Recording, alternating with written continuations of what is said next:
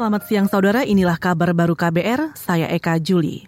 Bekas pejabat Ditjen Pajak Kementerian Keuangan Rafael Aluntri Sambodo akan menjalani sidang vonis kasus gratifikasi dan tindak pidana pencucian uang hari ini.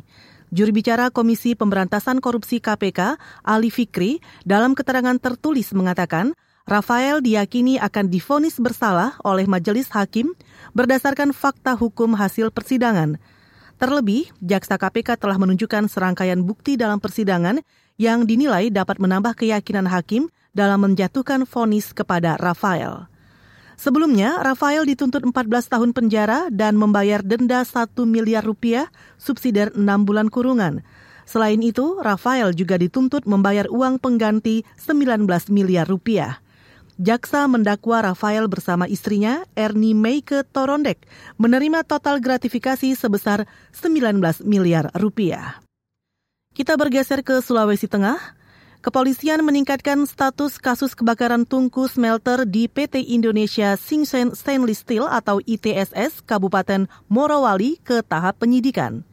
Juru bicara Polda Sulawesi Tengah Joko Winartono mengatakan, timnya telah melaksanakan gelar perkara terkait kasus ini. Meski begitu, polisi belum menetapkan tersangka dalam kasus ini dengan pasal kelalaian.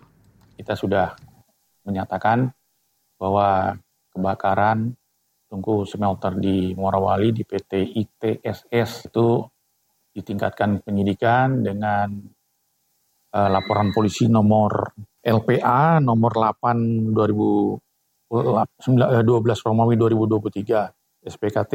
Jadi eh, pasal yang dilanggar yang disangkakan ada pasal 359 dan pasal 360 KUHP yang mana ancaman hukuman 5 tahun penjara. Demikian. Juru bicara Polda Sulawesi Tengah Joko Winartono menambahkan, tim penyidik akan menginvestigasi lebih dalam di tahap penyidikan dengan mendalami keterangan dua saksi ahli, meliputi saksi ahli pidana dan saksi ahli ketenaga kerjaan.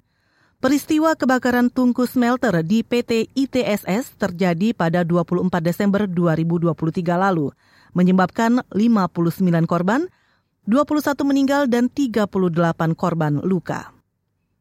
Kita ke luar negeri. Laman harian Jepang Asahi Shimbun melaporkan gempa magnitudo 7,6 telah menewaskan tak kurang dari 73 orang di Jepang bagian barat. Perdana Menteri Fumio Kishida mengatakan sebanyak 15 orang resmi dinyatakan hilang. Kata dia, tim penyelamat berpacu dengan waktu guna mencari korban selamat dan reruntuhan gempa Senin awal tahun ini.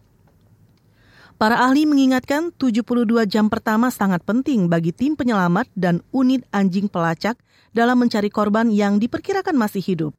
Prefektur Ishikawa dan daerah-daerah sekitarnya menjadi kawasan yang paling sering diguncang gempa susulan pada Rabu kemarin. Gempa itu sempat memicu tsunami di sejumlah tempat dengan gelombang berukuran setinggi 1 meter. Saudara demikian kabar baru, saya Eka Juli.